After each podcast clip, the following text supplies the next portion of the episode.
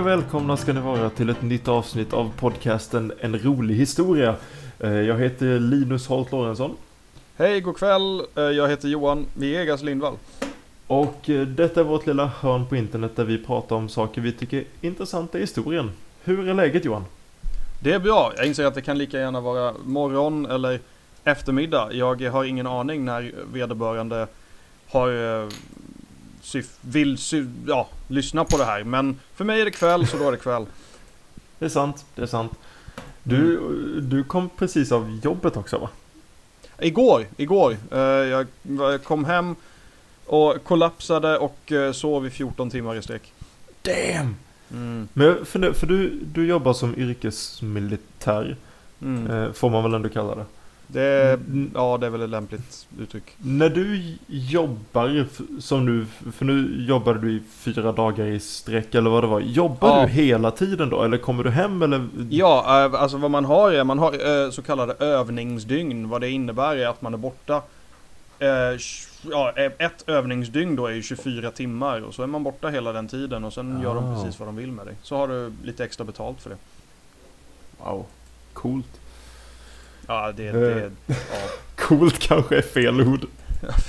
det beror helt på vad du, vad, vad du tycker och tänker om saker och ting. Sant. Ehm, så, veckans ämne. Eh, jag, ehm, jag ville komma in lite på, på hur länge du hade jobbat för att egentligen så var det, var det Johans tur att välja ett ämne till detta avsnittet. Mm. Men så insåg jag i mitten på den här fyra dagars jobbtiden att du kommer säkert inte komma på någonting. För att du har inte tid för att du jobbar. Precis, det var lite, lite dåligt med det. Så då bestämde vi att jag skulle komma på ett ämne eh, istället. Och jag har haft lite, jag har haft lite tvärt om eh, situationen som du har haft. För jag har precis, jag har jobbat min första dag idag. Precis kommit ifrån jullovet. Mm.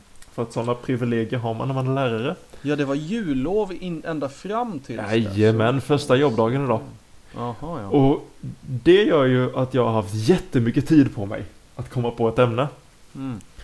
Problemet är att eh, vi vi får se om du kan känna igen eller, eller ha sympati för den här känslan. Jag har suttit i tre dagar och tänkt att jag borde jobba, jag borde börja planera, jag borde börja fixa mina lektioner. Men jag har liksom inte pallat hålla på med det. Mm. Och sen när jag då vet att jag borde förbereda ett avsnitt till podcasten så blir det en sån, det blir någon liten spärr för att göra det för att jag känner att men jag kan ju inte fokusera på det för om jag ska om jag ska researcha till podcasten så borde jag ju egentligen jobba istället. Japp. Så då har jag fått lite skuldkänslor när jag har tänkt mig att sätta, och sätta mig och läsa på till podcasten så då har det blivit att jag inte har gjort något av det. Så för två dagar sedan så fick jag lite panik och tänkte att shit, vi, för vi skulle spelat in igår egentligen men så somnade du. Japp. Eh, Men så jag hade lite panik och tänkte fan jag måste ju komma på ett ämne.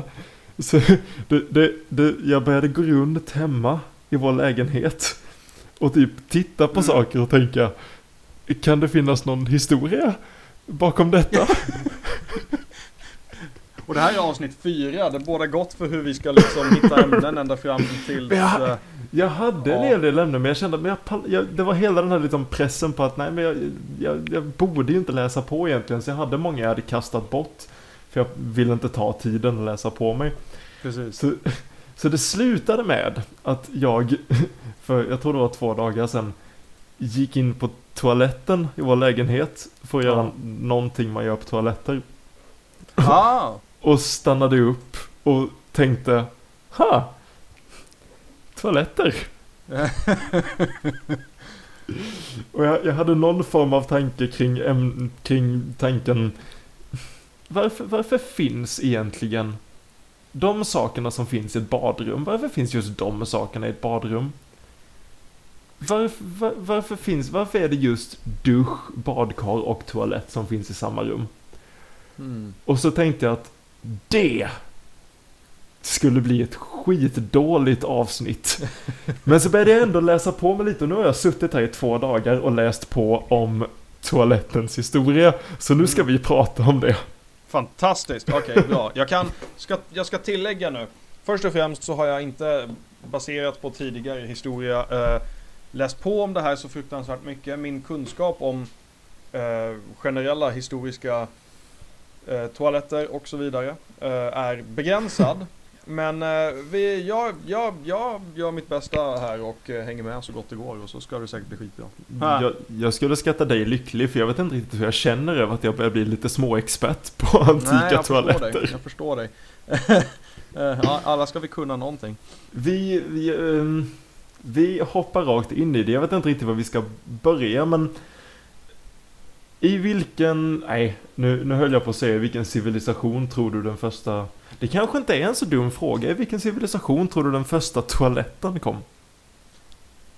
Jag skulle gissa på att eh, Alltså det, det där vet man nog inte först och främst för att jag skulle lätt kunna tänka mig att någon någon eh, paleolitisk eh, eh individ sprang runt och, och fick för sig att eh, ha, det blir bättre om jag skiter från ett träd eller vad fan som helst eller i det här hålet. Eller, ja, du vet vad jag menar. De kanske stannade på en plats en längre tid och insåg att eh, det här blir inte bra.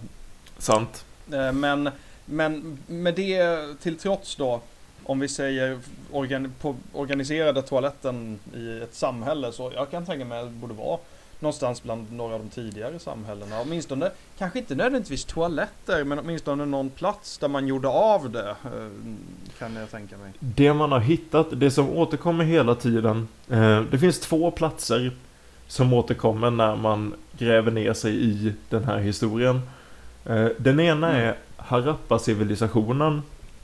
Ja, Som Indien, är- ja. ja, nuvarande Indien. Har man hittat toalettsystem som är från ungefär 3000 före vår tideräkning. Så det är 5000 år gamla ändå. Ja. Och, och då har du inte bara just att du sätter dig på en toalett utan det som det du producerar där eh, åker iväg genom ett eh, avloppssystem till underjordiska lerkammare. Mm. Så du samlar det under jord. Vilket är rätt så high tech ändå. det, det är det, det är det. Det, det Det, är an, det andra är, eh, och jag kommer säkert uttala det här fel, men Scarabree. Mm. Eh, också 3000 före vår tideräkning ungefär.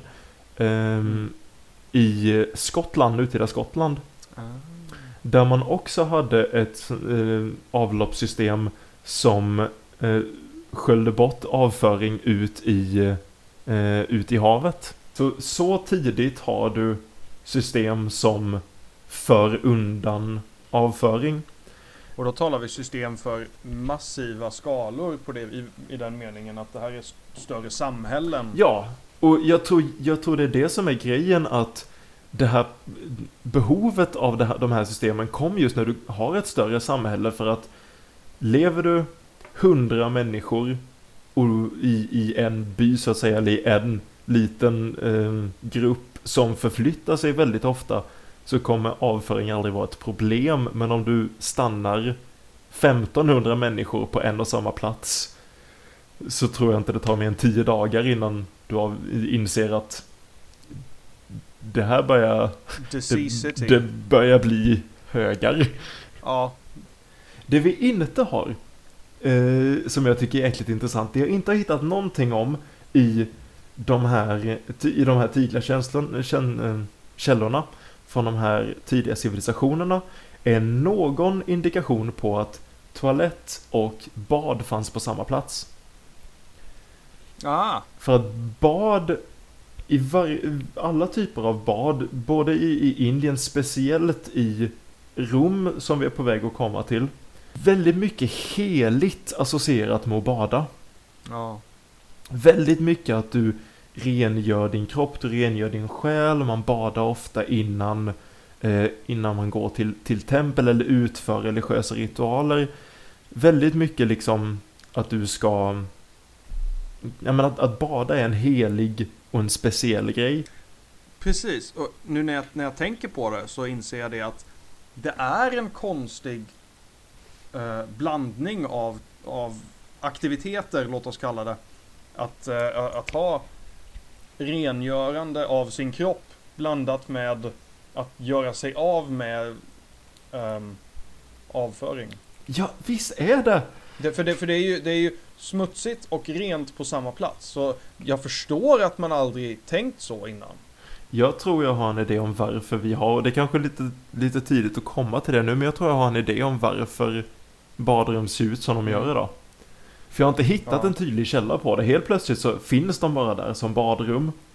Mm. Eh, jag, jag tror det har att göra med dagens, vad ska man säga, dagens tabu, dagens sociala regler. Det som, det som sammanför allting du gör i badrummet idag är att du är mer eller mindre naken när du gör det. Mm. Och naken ska man inte vara inför andra människor i dagens samhälle. Mm. Så därför tror jag att man har flyttat in alla saker du gör naken, har du flyttat in i ett rum. Och då får du ett badrum. Kul hypotes. Jag tror det kan vara fullt rimligt. Uh, och samtidigt så, så är det ju det här att, att det är också bara i hemmet som det är så här. För att om man går till en allmän plats, säg ehm, eh, ett gym eller, eller vad som helst, så toaletten är ju alltid en så att säga avskild del från resten av av anläggningen och sen är det en massa duschar. Det kanske är i och för sig av, av sant. logistiska skäl för det är klart om man går till en, eh, ett hotell så är det ju förstås ungefär som det är i en lägenhet motsvarande. Men ändå, det är någonting att tänka på. Vad underbart, jag kan bara se på, på en simhall med 25 meters bassängen och en rad toaletter bredvid. De är bara uppradade längst med liksom. Ja men ta bort all skam till det. Egentligen, ja, ta bort all skam kopplat till det. Och sen tänk, ja men fan. Vi bygger upp det på samma sätt som man gör hemma. Så vi har, fast i större skala då. Så vi Ja, har ett, liksom, på en simhall som sagt. Och sen så bara uppradade toaletter längst med väggarna där folk sätter sig och skiter. Det skulle ju vara skit, ja, återigen skitkul. För att det är inte mindre hygieniskt egentligen, känns det som, än vad det är hemma. jag tycker det För är ganska folk, fint. andra eh, eh, okända människor skiter ju på din toalett också. Eller jag, nu ska inte jag komma och med eh, uppfattningar om vilka som använder din, din toalett här. Men jag, och jag ska inte heller få då antyda till att jag tar in främmat folk som specifikt för att de ska bajsa på min toalett. Men det händer liksom. Jag förstår vad du menar. Jag, jag, Mm. jag kan tycka det är ganska fint. Det är det här, ta bort tabun, ta bort det, det hemliga. Precis. Jag skulle aldrig för mitt liv göra det, men i tanken är det fint. Ja men det är det och jag har, jag har sett det göras till viss del i praktiken också. När jag var i Mexiko för eh, x antal år sedan. Ah. Och eh, jag, jag, ja, jag var i Mexiko så jag blev eh, eh, skitnödig. Eh, och vi var ute och gick mitt i stan i Mexico City. Och jag var tvungen att liksom, nej jag behöver, jag behöver en toalett. Och eh, eh, vi hittade ett ställe och man fick, jag tror man fick betala någonting, jag kommer inte ihåg. Men i vilket fall, det var lite speciellt tyckte jag för man fick papper innan man gick in. Eh, Så redan där började ju någon slags varningsklocka ringa. Jag tänkte men ja, det, det brukar alltid, jaha okej, ja, ja nu är det så. Och, och sen så gick jag in där och, och till min rätt påtagliga förskräckelse så såg jag tre stycken toaletter utan några som helst väggar eller, eller någonting. Bara sitta bredvid varandra och, och, och, och, och två stycken gubbar då som sitter och, och klämmer på de här toaletterna. Och det var ju... Alltså det, det, egentligen, om man tittar på det så är det ju kanske inte så konstigt. Men jag blev jätteförskräckt så jag, jag vände och gick. Plötsligt så var jag inte så nödig längre. Det, det var... Jävlar alltså. Ja, var... du gjorde det inte alltså. Nej, jag, jag kunde inte, jag kunde inte. Nu i efterhand ångrar jag det. Nu i efterhand ångrar jag det. För jag hade, jag hade velat säga att Nej, nej, jag har ingen... Men jag har skam, Linus. Jag har Det- skam i min kropp. Och eh, Det är ju en sån sak man berättar gräns. för sina barnbarn. precis. Och det här kommer från en person som har skitit i skogen, jag vet inte hur många gånger. Nej, nej, Eh, nej. och skitit i, eh, jag har skitit i, du vet, spann som man Ja. sätter upp, gräver ner i skogen och har en toalettring på. Det gör, och sen har man, du vet, en, en, eh, en, eh, sopsäck i dem. Men vi, så man hanterar det i fält. Och sen så, men gräva hål i skogen, det är ganska mysigt på sätt och vis att sitta där ute. Men, men så fort det involverar andra människor i min närhet, då helt plötsligt blir det, inte ens, inte ens med min fru kan jag liksom Eh, visst, jag kan väl pinka, men jag kan inte, jag kan inte liksom... Det går till en gräns, du vet. Sen Mm, säger mm. om 20 år Och- kanske jag inte säger samma sak, men andra Nej, och- människor på något vis. Och, och när du berättar den Mexiko-historien för dina barnbarn så kommer den ha ändrats så pass Precis. mycket att du bara ja, det var ju Ja, ja, ingenting men att tänka på. exakt. Då, då helt plötsligt så, då är farfar eh, modig. Men farfar är inte modig. Det kan jag säga här och nu. Det är en, det är en, det är en smutsig lögn. Men problemet, för jag, jag håller med dig där, problemet är när det är andra människor med i bilden. Och, Ja. och det tar oss till vår, nästa punkt. Varken du eller jag, hur mycket vi än någonsin som eh, amatörhistoriker har drömt om chansen, vi skulle inte överleva två dagar i Rom. Mm. För att privata toaletter i Rom finns inte. Nej, nej. Möjligtvis om du är Caesar, om du är någon sjukt rik människa. Ja. Men eh, det finns jättemycket källor om eh, romerska toaletter. Troligtvis för att det finns väldigt mycket alltså källor från Rom. Vi har väldigt mycket kvar därifrån liksom Ja. arkitekturiskt. Ehm, så, och de hade också stora system, avloppssystem. De hade ju sina gigantiska akvedukter. Och Ja. de, eh, det finns väldigt många toaletter bevarade. Men det är samma grej för det är toalettbänkar. Mm. Och jag har varit, jag har varit i eh, Pompeji för en massa år sedan. Och, ja, det kommer jag ihåg. och där finns det några, tydligen har jag fått reda på att känna några av de bäst bevarade. Jaha. Det är något jag kommer skryta för för mina barnbarn. Jag förutsätter att du inte nyttjade dem. Nej, det gjorde jag inte.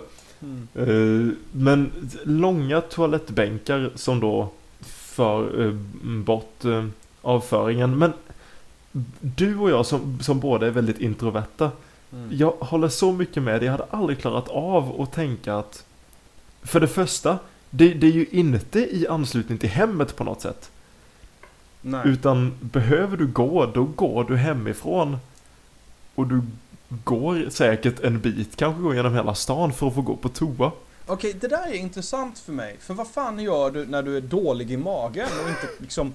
Nej men på riktigt, vad, vad gör du när du måste och inte har... Du, har, du vet att jag har max två minuter på mig, sen är det, sen är det kört liksom. Vad gör du då?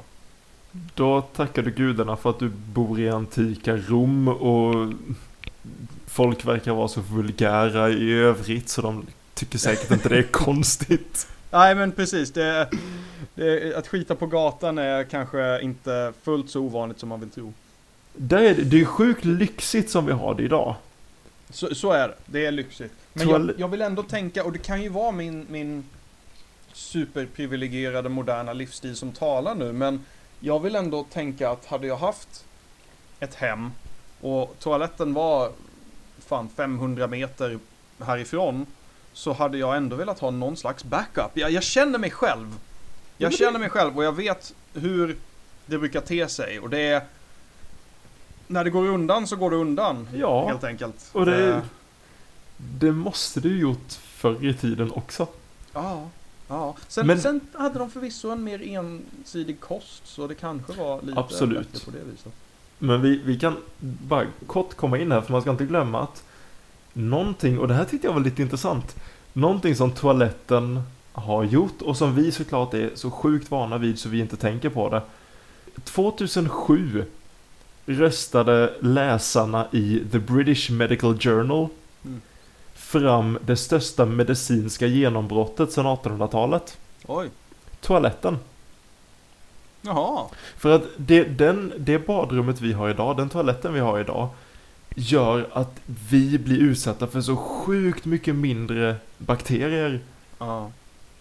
Så den har, rädd, alltså den har tydligen räddat hur många liv som helst. Och det tycker jag är ett Ja. ganska fint sätt att se på en toalett. Det är rätt intressant för man tänker inte på det så riktigt. Nej.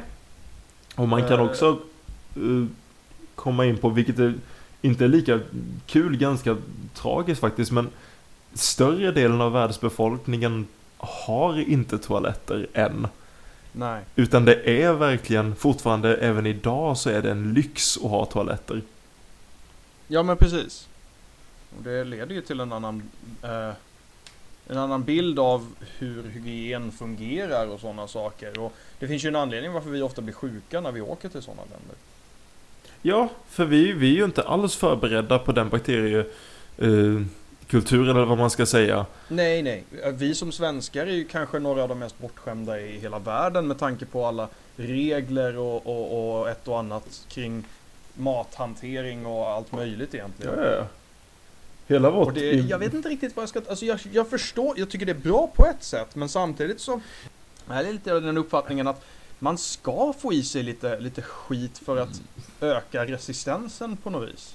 Det är ju jättebra så länge vi lever i vår fina vardag så är det ju underbart och vi mår ju Ja. jättebra av det. Men så fort vi, Så länge vi Kommer inte kommer ut i utanför vår lilla verkligheten. bubbla. ja. kommer vi utanför vår lilla bubbla så är det ju som om Hells Angels möter vårt immunförsvar som är någon sån här brittisk topphatt-snubbe som står och viftar med armarna. Bara, Have Ja at you! precis, precis. Vi har ju ingen chans. Vad ska du göra George? Eh, men för att ta oss ur de tragiska tankarna lite. Mm. Så, så går vi tillbaka till historien. Och eh, vi låter Rom falla. Okej. För det gör det så småningom. Spoiler. Det. Och så går vi över till Europa. Okej. Där ingenting fungerar så länge. När Rom faller, så, enligt de källorna jag har hittat, så är det lite som att hela Europa glömmer bort allting som Rom visste. Ja. Lite som att alla liksom länder och delar av Europa som har blivit påverkade av Rom helt enkelt vänder sig om och säger liksom "Va- Vänta lite, va? va, va? Kan, kan du säga det där? Vad var det nu? Hur? hur för, hela tanken om eh, kloaker, hela tanken om akvedukter, hela tanken om toalettsystem som på något sätt effektivt tar hand om vår avföring bara Mm. försvinner. Ja. Notera, försvinner i väst. Okej. I öst är allting kvar. I Mellanöstern har de fortfarande kloaksystem. I borta mot liksom eh, Asien har de fortfarande kloaksystem. Men vi... det, det här gäller även så att säga i, i typ, säg Bysantium är det fortfarande som det Ja, var då? För, jag, kan, jag har inte gått igenom alla riken, eh, jag har inte kollat igenom alla riken liksom, men, för, men jag, för jag tänker de borde ju ärva den traditionen i och med att Rom, Västrom hade den så borde ju Östrom kanske upprätthålla den på något vis. det tror jag.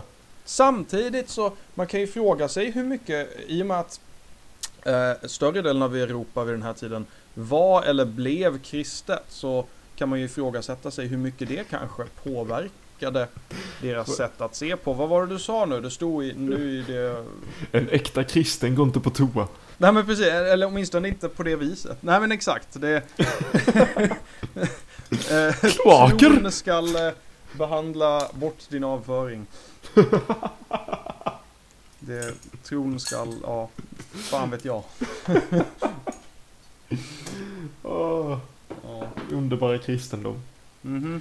Jag, jag, ska inte, jag ska inte säga att jag är en expert på kloaksystemen i alla ehm, östra eh, civilisationer. Men det jag kan säga är att i Europa så s- drog vi tillbaka klockan rätt så långt Ja, under det vi ändå kommer in på nu som liksom medeltiden. Precis. precis. För då kommer vi in på, då, då är vi tillbaka i ett antal hundra år så är vi tillbaka på äh, potta. Mm, ja. Som vi inte eh, kastar i en soptunna, inte kastar i ett, ett, ett hål i marken till ett kloaksystem som vi kastar ut på gatan när vi har gjort det vi ska. Precis. Och det, det, det är en sån kontrast. Det där har ju hänt, det där har ju varit länge också. Ja, det var ju lång- även långt efter medeltiden som det där fortgick. Det finns ett uttryck, eftersom jag ändå började på Mexiko, men det finns ett uttryck på mexikansk spanska Okej. Där det är liksom, om man kan säga se upp eller något sånt där. Så säger man aguas.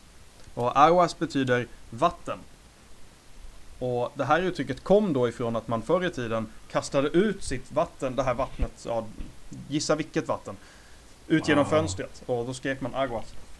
För att folk Wow. inte skulle splashas ner av det. Så återigen, det har, det har ju varit en ganska återkommande, ett återkommande system för hanteringen av det ganska länge. Och så ofta säger man att saker blir bättre med åren.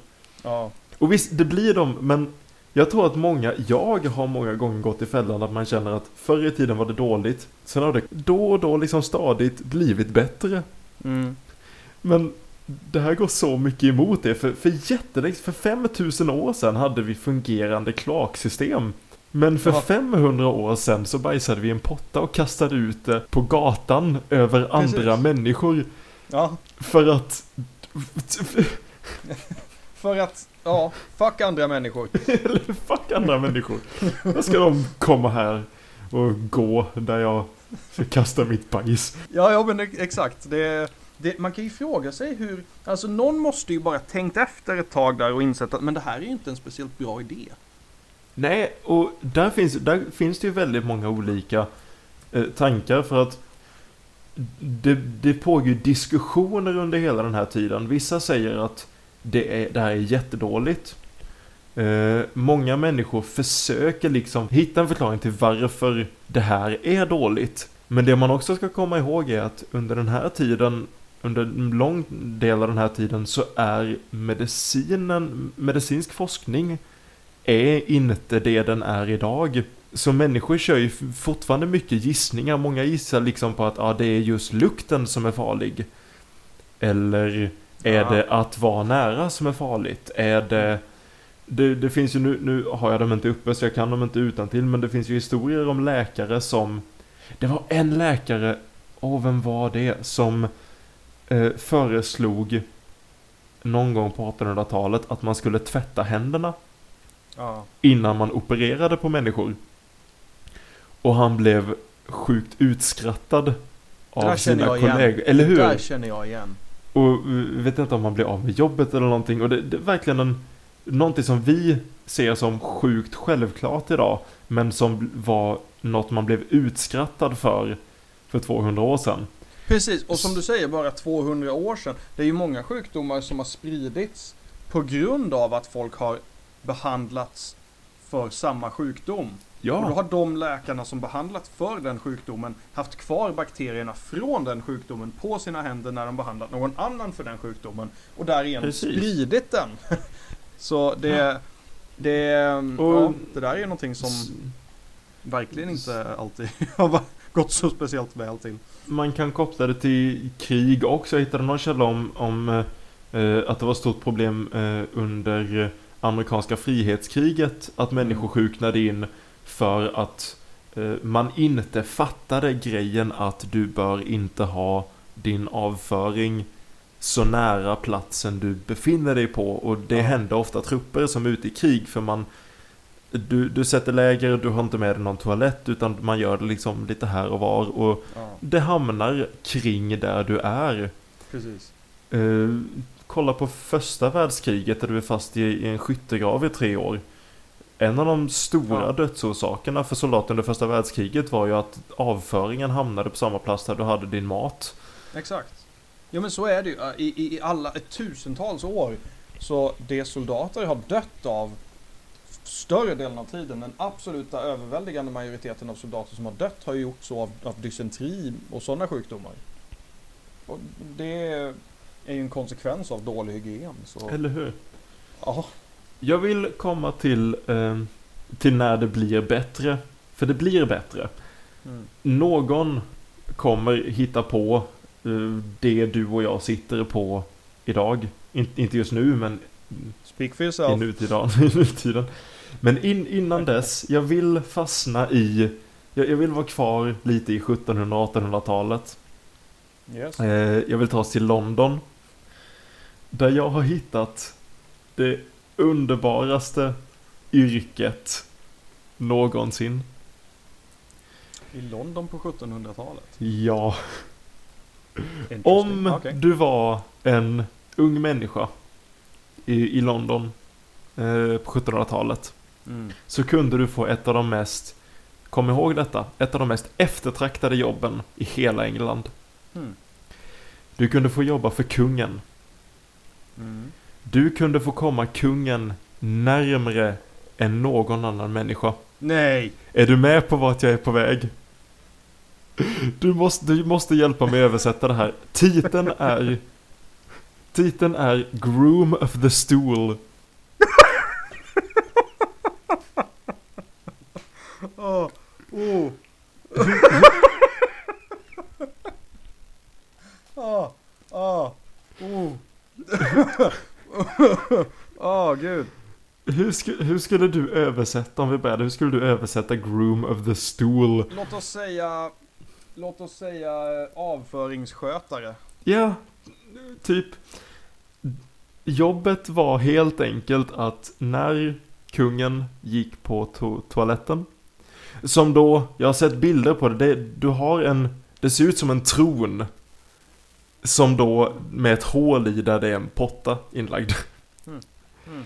Men det, Groom of the Stool, jobbet du hade då var helt enkelt att torka kungen. Efter han hade varit på toaletten. Ja.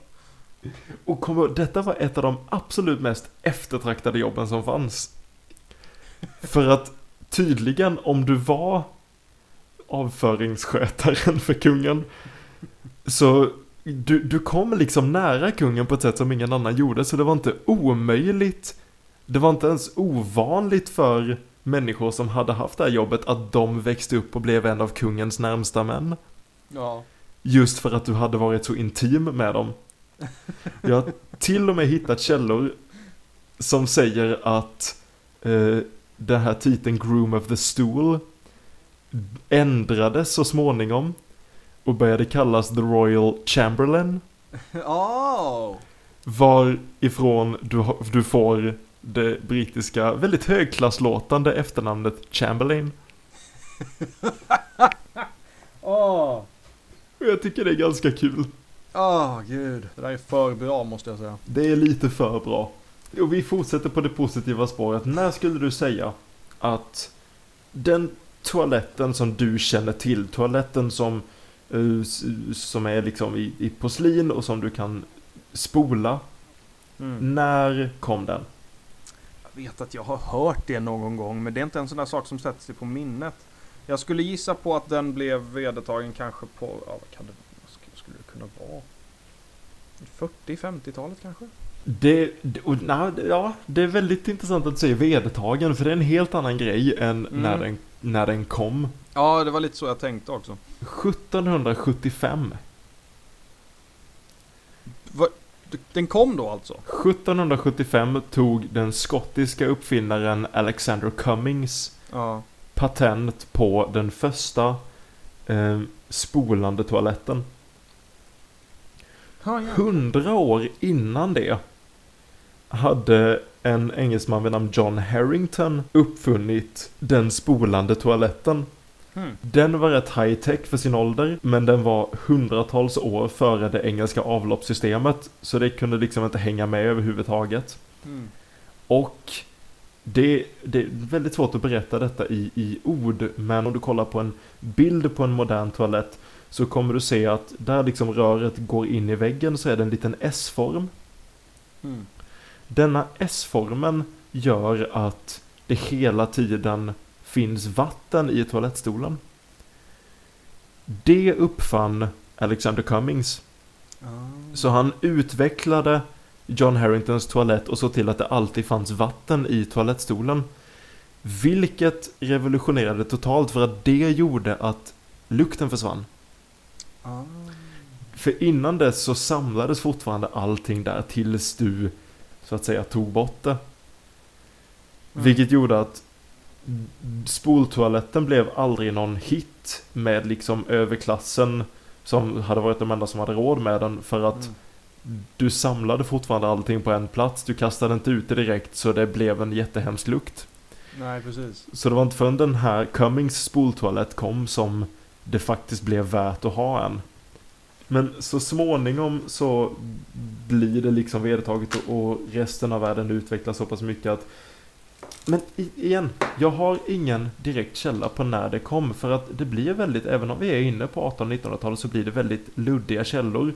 Mm. Men helt plötsligt på 1900-talet säljs toaletter och duschar säljs. Och de finns i samma rum. Ja. Så när du kommer in på 1900-talet då har du helt plötsligt haft någon sorts skiftning så att det har blivit vedertaget att alla borde ha en toalett i sitt hus. Och i samma rum som då toaletten ska duschen finnas. Det, allt, allt vatten är ju på en plats och det kanske blir lättare med ja, rör och, och sådana saker som jag kan exakt ingenting om.